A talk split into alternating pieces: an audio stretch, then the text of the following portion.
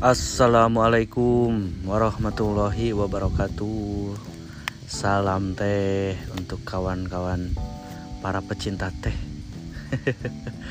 Ketemu lagi nih dengan saya Ferry di Pasir Canar. Ya, Ini podcastnya Pasir Canar nih bro. Saya lagi di kebun nih Kebun sendiri. Nah, Biarin gak ada yang nanya juga nih. Pokoknya saya lagi di kebun Dan saya senang berada di kebun ya. Bisa eh, lihat-lihat teh nih yang lagi tumbuh. Kebetulan teh sekarang di kebun saya ini pohon-pohon tehnya lagi pruning ya. Baru selesai pruning.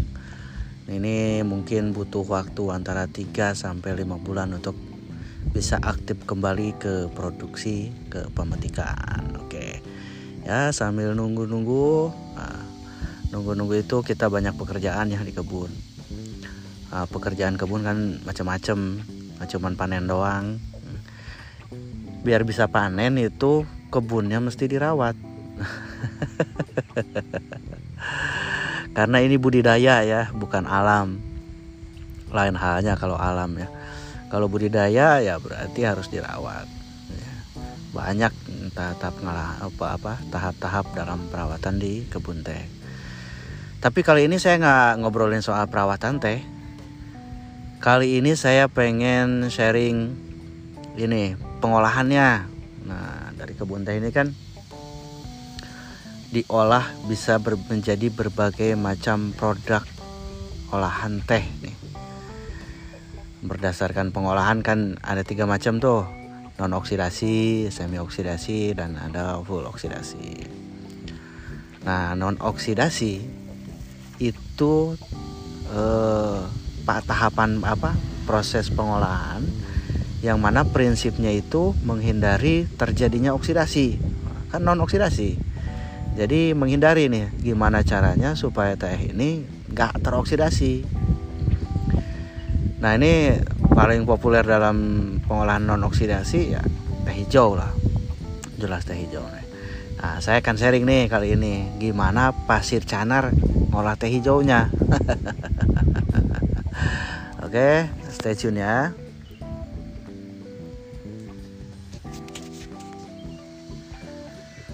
Oke, pertama, ah, pertama-tama, pertama-tama, uh, kebun, pabrik, dan marketing. Nah itu saling berkaitan satu sama lain ya, saling berhubungan. Sehingga perlakuan akhir kebun akan berpengaruh terhadap pengolahan. Jadi nomor pertama dari pengolahan teh hijau itu bukan di pabrik, tapi di kebun tahap akhirnya di kebunnya yaitu pemetikan. Ngolah teh mulai dari metik nih. Nah, kenapa harus dari pemetikan? Karena pemetikannya harus diperhatikan. Teh apa yang akan kita bikin? Nah itu basicnya berarti dari kualitas pemetikannya jadi dikategorikan masuk ke pengolahan mulai dari pemetikan. Oh nomor satu bro, ngolah teh hijau perhatikan dulu nomor satunya pemetikan. Kualitas pucuk yang akan kita olah. Di Pasir Canar, standar pemetikan untuk specialty di pengolahan yaitu petikan P plus 3 nah, apaan tuh P plus 3 P itu istilah untuk penyebutan peko yang mana peko itu diartikan sebagai kuncup pucuk yang masih tertutup. Yang kayak jarum itu loh. Nah itu peko untuk istilah pemetikan ya. Meskipun untuk kategori pekonya itu sendiri nah satu dua daun itu masih tergolong peko sebenarnya. Hanya saja istilah pek peko dalam pemetikan yang dimaksud pekonya adalah pucuk teh yang belum terbuka. Nah, P plus 3. Nah, 3 ini ya 3 pucuk di bawahnya yang sudah terbuka. Jadi, jarum pekoknya satu hitung sampai 3 di bawahnya. Itu namanya P plus 3. Tentunya uh, untuk di pemetikan sendiri kalau pekoknya doang dipetik biasanya untuk whitey atau grey dragon macam-macam ya terus P plus 1 biasanya untuk bayi mudan nah, P plus 2 misalkan untuk bikin ulong dan segala macam. P plus 3 juga bisa untuk ulong nah makanya saya ingatkan tadi nomor satu pengolahan itu ada di pemetikan. Kita mau bikin apa? Nah ceritanya nih kita mau bikin teh hijau.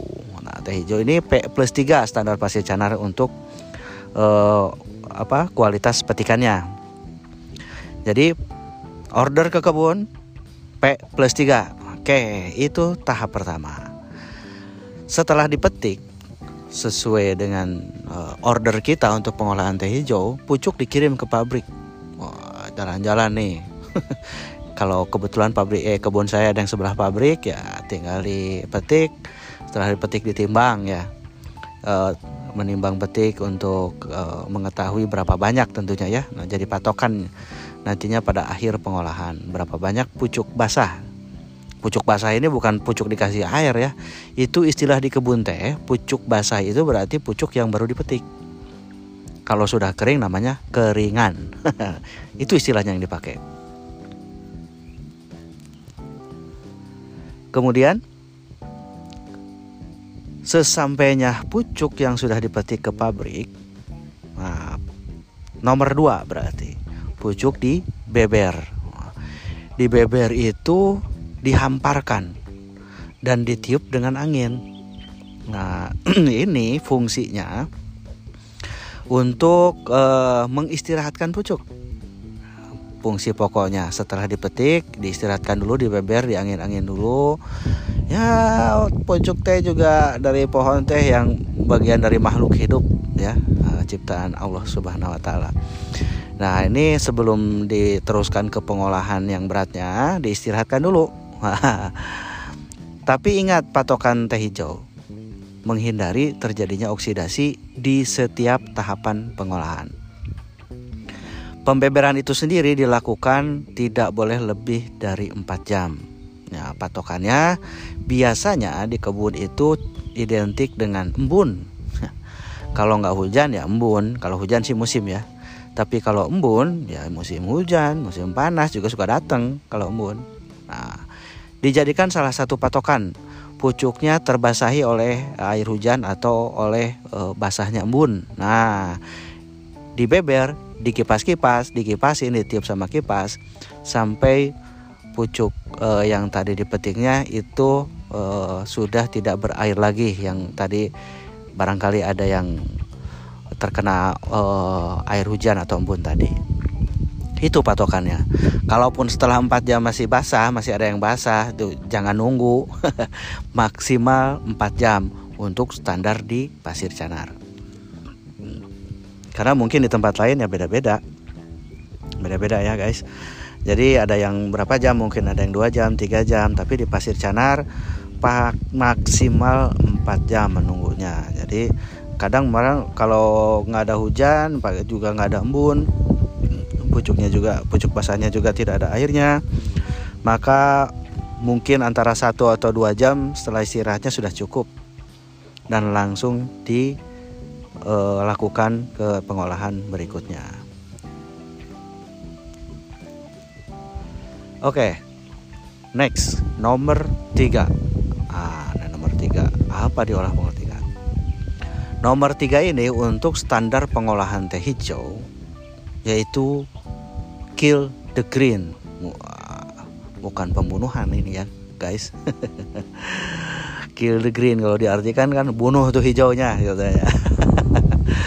Tapi yang dimaksudkan dengan istilah kill the green dalam pengolahan teh hijau adalah mempertahankan si pucuknya itu supaya tetap hijau jadi dimatikan memang betul dimatikan enzim-enzimnya dengan cara dipanaskan nah, dipanaskan jadi si enzimnya mati karena si pucuk ini makhluk hidup dan di dalamnya terdapat enzim-enzim ya Nah, enzim-enzim itu terus bereaksi terhadap udara. Nah, itulah yang menyebabkan terjadinya oksidasi.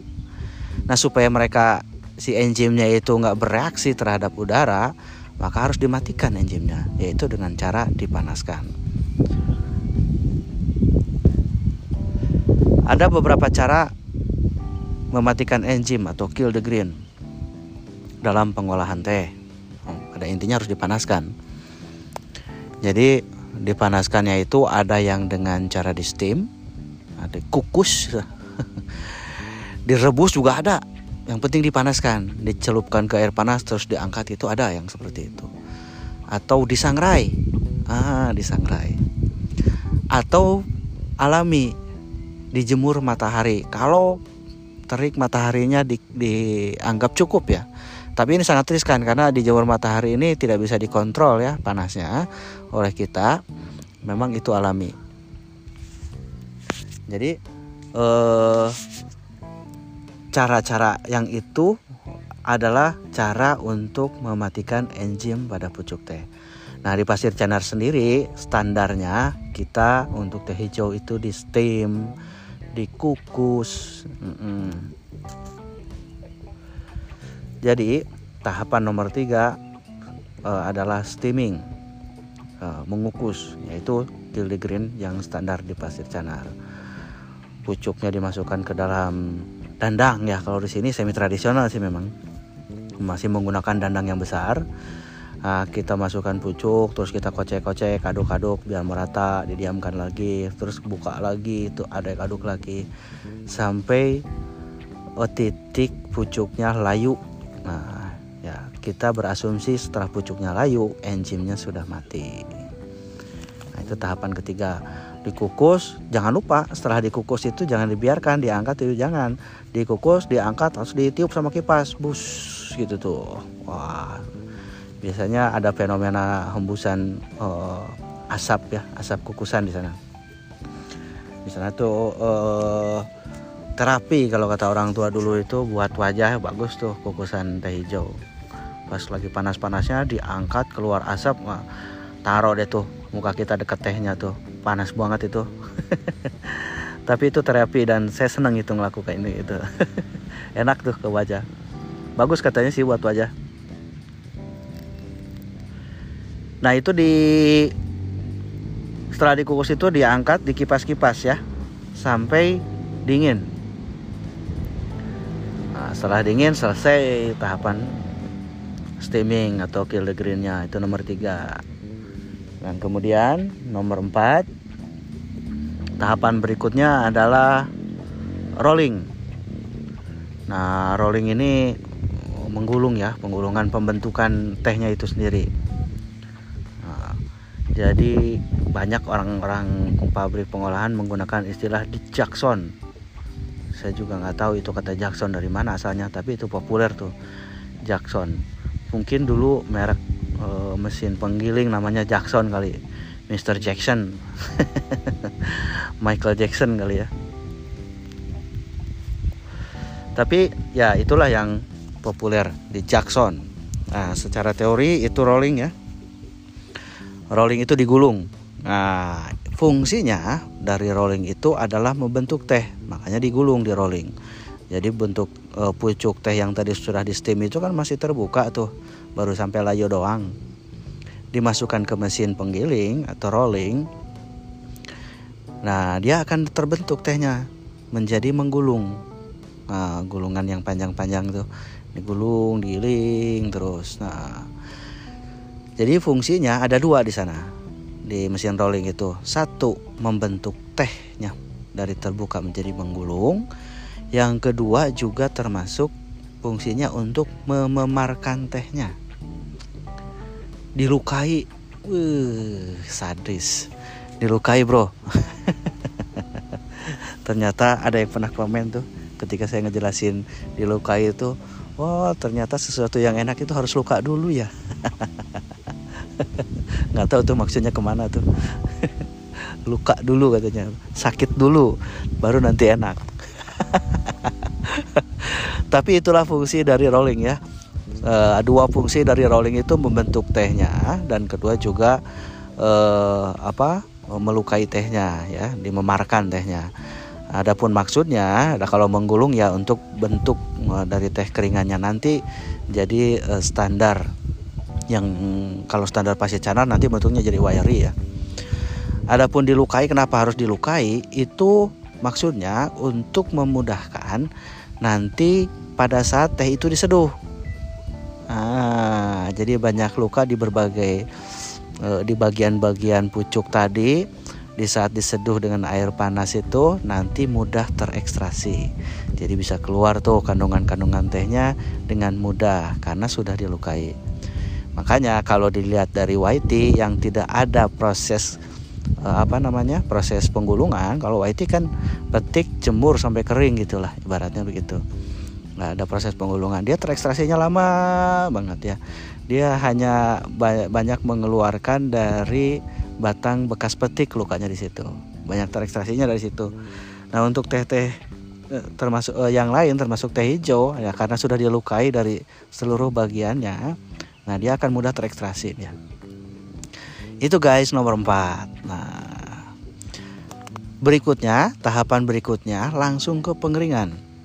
Nah, pengeringan ini adalah tahap ada yang bisa jadi tahap akhir, ada juga bisa dijadikan pengeringan tahap pertama. Tergantung produsennya lah itu.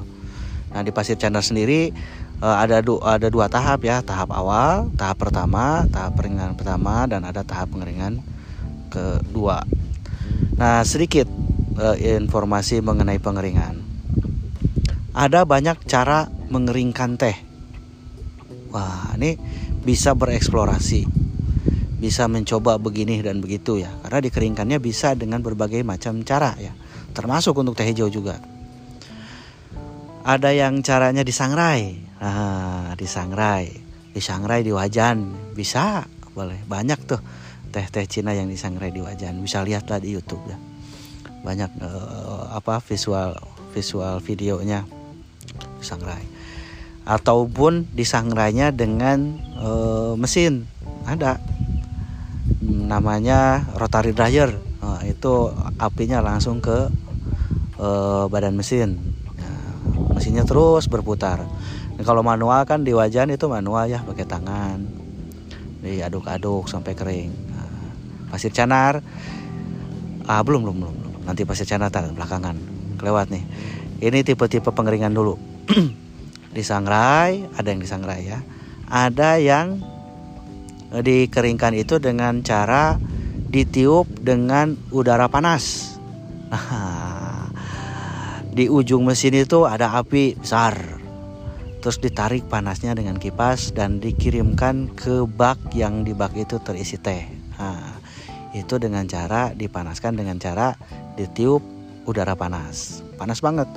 Dan panasnya itu bisa mencapai 100 sampai 150 derajat bahkan mungkin sampai 200 derajat juga bisa atau dijemur nah, alami matahari. Nah ini mengandalkan alam lagi nih. Agak lumayan ini biasanya nih. Seperti ingat tadi ya yang kill the green dengan dipanas. Uh, apa memberdayakan alam. Nah, ini boleh juga bisa. Biasanya lebih dari satu hari bisa dua sampai tiga. Bahkan mungkin sampai lima hari ya kalau belum kering. Pokoknya sampai kering sempurna. Dijemur di matahari. Itu proses pengeringan yang uh, dijemur kemudian ada juga yang di oven. Oven. Nah biasanya oven ini yang dimaksud ini oven yang elemen ya. Bukan oven yang microwave bukan. Oven yang elemen. Elemen listrik itu loh. Wah, ya, ini mesinnya cukup cukup mahal juga. cukup mahal ya. Konsumsi listriknya juga cukup banyak ini. Nah, tapi itulah kira-kira tahapan apa cara-cara pengeringan mm, teh di Pasir Canar nomor 5 ini eh, tahapan yang kelima di teh hijau nomor 5 pengeringannya menggunakan tiupan udara panas. Nah, kita punya mesin, mesin sendiri yang bikin uh, yang nyiptain ya. Yang nyiptain almarhum bapak saya Pak Haji Muhammad Duro. Nah itu kita bikin mesin blow dryer namanya. Nah, di Pasir Canar ada tuh. Terus kita juga udah jual juga ke beberapa tempat. Ada yang di Jogja ada yang di Karanganyar Solo. Ada juga yang di sampai ke Solo Padang tuh mesin blow dryer tuh buatan bapak saya. Alhamdulillah bermanfaat. Nah, di pasir canar yang kelima ini tahap pengeringan menggunakan blow dryer. Itu tahapan pertama. Sampai kapan? Ya sampai kering. Nah, patokan keringnya kayak gimana? Patokan keringnya nah, salah satu di antaranya batang-batang yang ada pada teh yang itu yang sedang dikeringkan itu sudah bisa patah sempurna. Jadi kalau dipatahin kayak lidi itu, kayak sapu lidi kan uh, ada lidinya tuh yang di kalau dipatahin itu uh, udah kering banget itu, langsung patah, nggak apa nggak nggak tersisa gitu ya langsung truk patah. Terus kalau di apa diadukan antara teh keringnya tersebut ya kalau orang pengolahan bisa eh, kalau orang pengolahan bilangnya itu gemerincing ya sering-sering gitu ta. Kering berarti itu. Nah itulah udah selesai berarti. Selesai kering tahapan pertama. Nah itu didiamkan dulu sampai cukup dingin. Sambil kita sortasi sambil menunggu menunggu dingin maksudnya menunggu dingin sortasi uh, yang tidak diinginkannya ya biasanya terselip eh, pucuk-pucuk uh, yang sudah termasuk daun yang mana kalau diolah itu berubah apa warnanya berbeda dengan yang kita harapkan. Nah, itu beda lagi. Kita sortasi dan juga batang-batang yang besar sortasi. Nah setelah dingin barulah tahap pengeringan terakhir untuk uh, apa namanya uh, memastikan memastikan uh, benar-benar kering. Nah, yang kering kering terakhir ini bukan lagi blow dryer kita pakai. Kita pakai uh, rotary dryer. Berputar terus ya di rotary dryer, tapi hanya sebentar. Dan termasuk ada di situ uh, poles, dipoles ya. ya. Orang-orang teh mesti ngerti nih dipoles. Jadi dipoles itu dipercantik lah uh, warna keringannya itu. Karena keringan kan gelap tuh. Nah untuk teh hijau ini ada tahapan pemolesan. Jadi dipoles biar uh, lebih terang warna keringannya. Dimasukkan ke rotary dryer dengan api yang kecil. Apinya kecil. Berputar sekitar 15 menit kemudian 15 menit kemudian tanpa api. Tanpa api. Nah setelah itu keluarin deh tuh. Jadi deh tuh teh hijau itulah guys uh, pengolahan teh hijau versi pasir canar ya. Uh, semoga bermanfaat. Terima kasih. Setelah sampai apa sudah mencintai teh Indonesia ya. Dengerin ini saya yakin nih nah, ini pecinta teh nih. Oke terima kasih banyak. Wassalamualaikum warahmatullahi wabarakatuh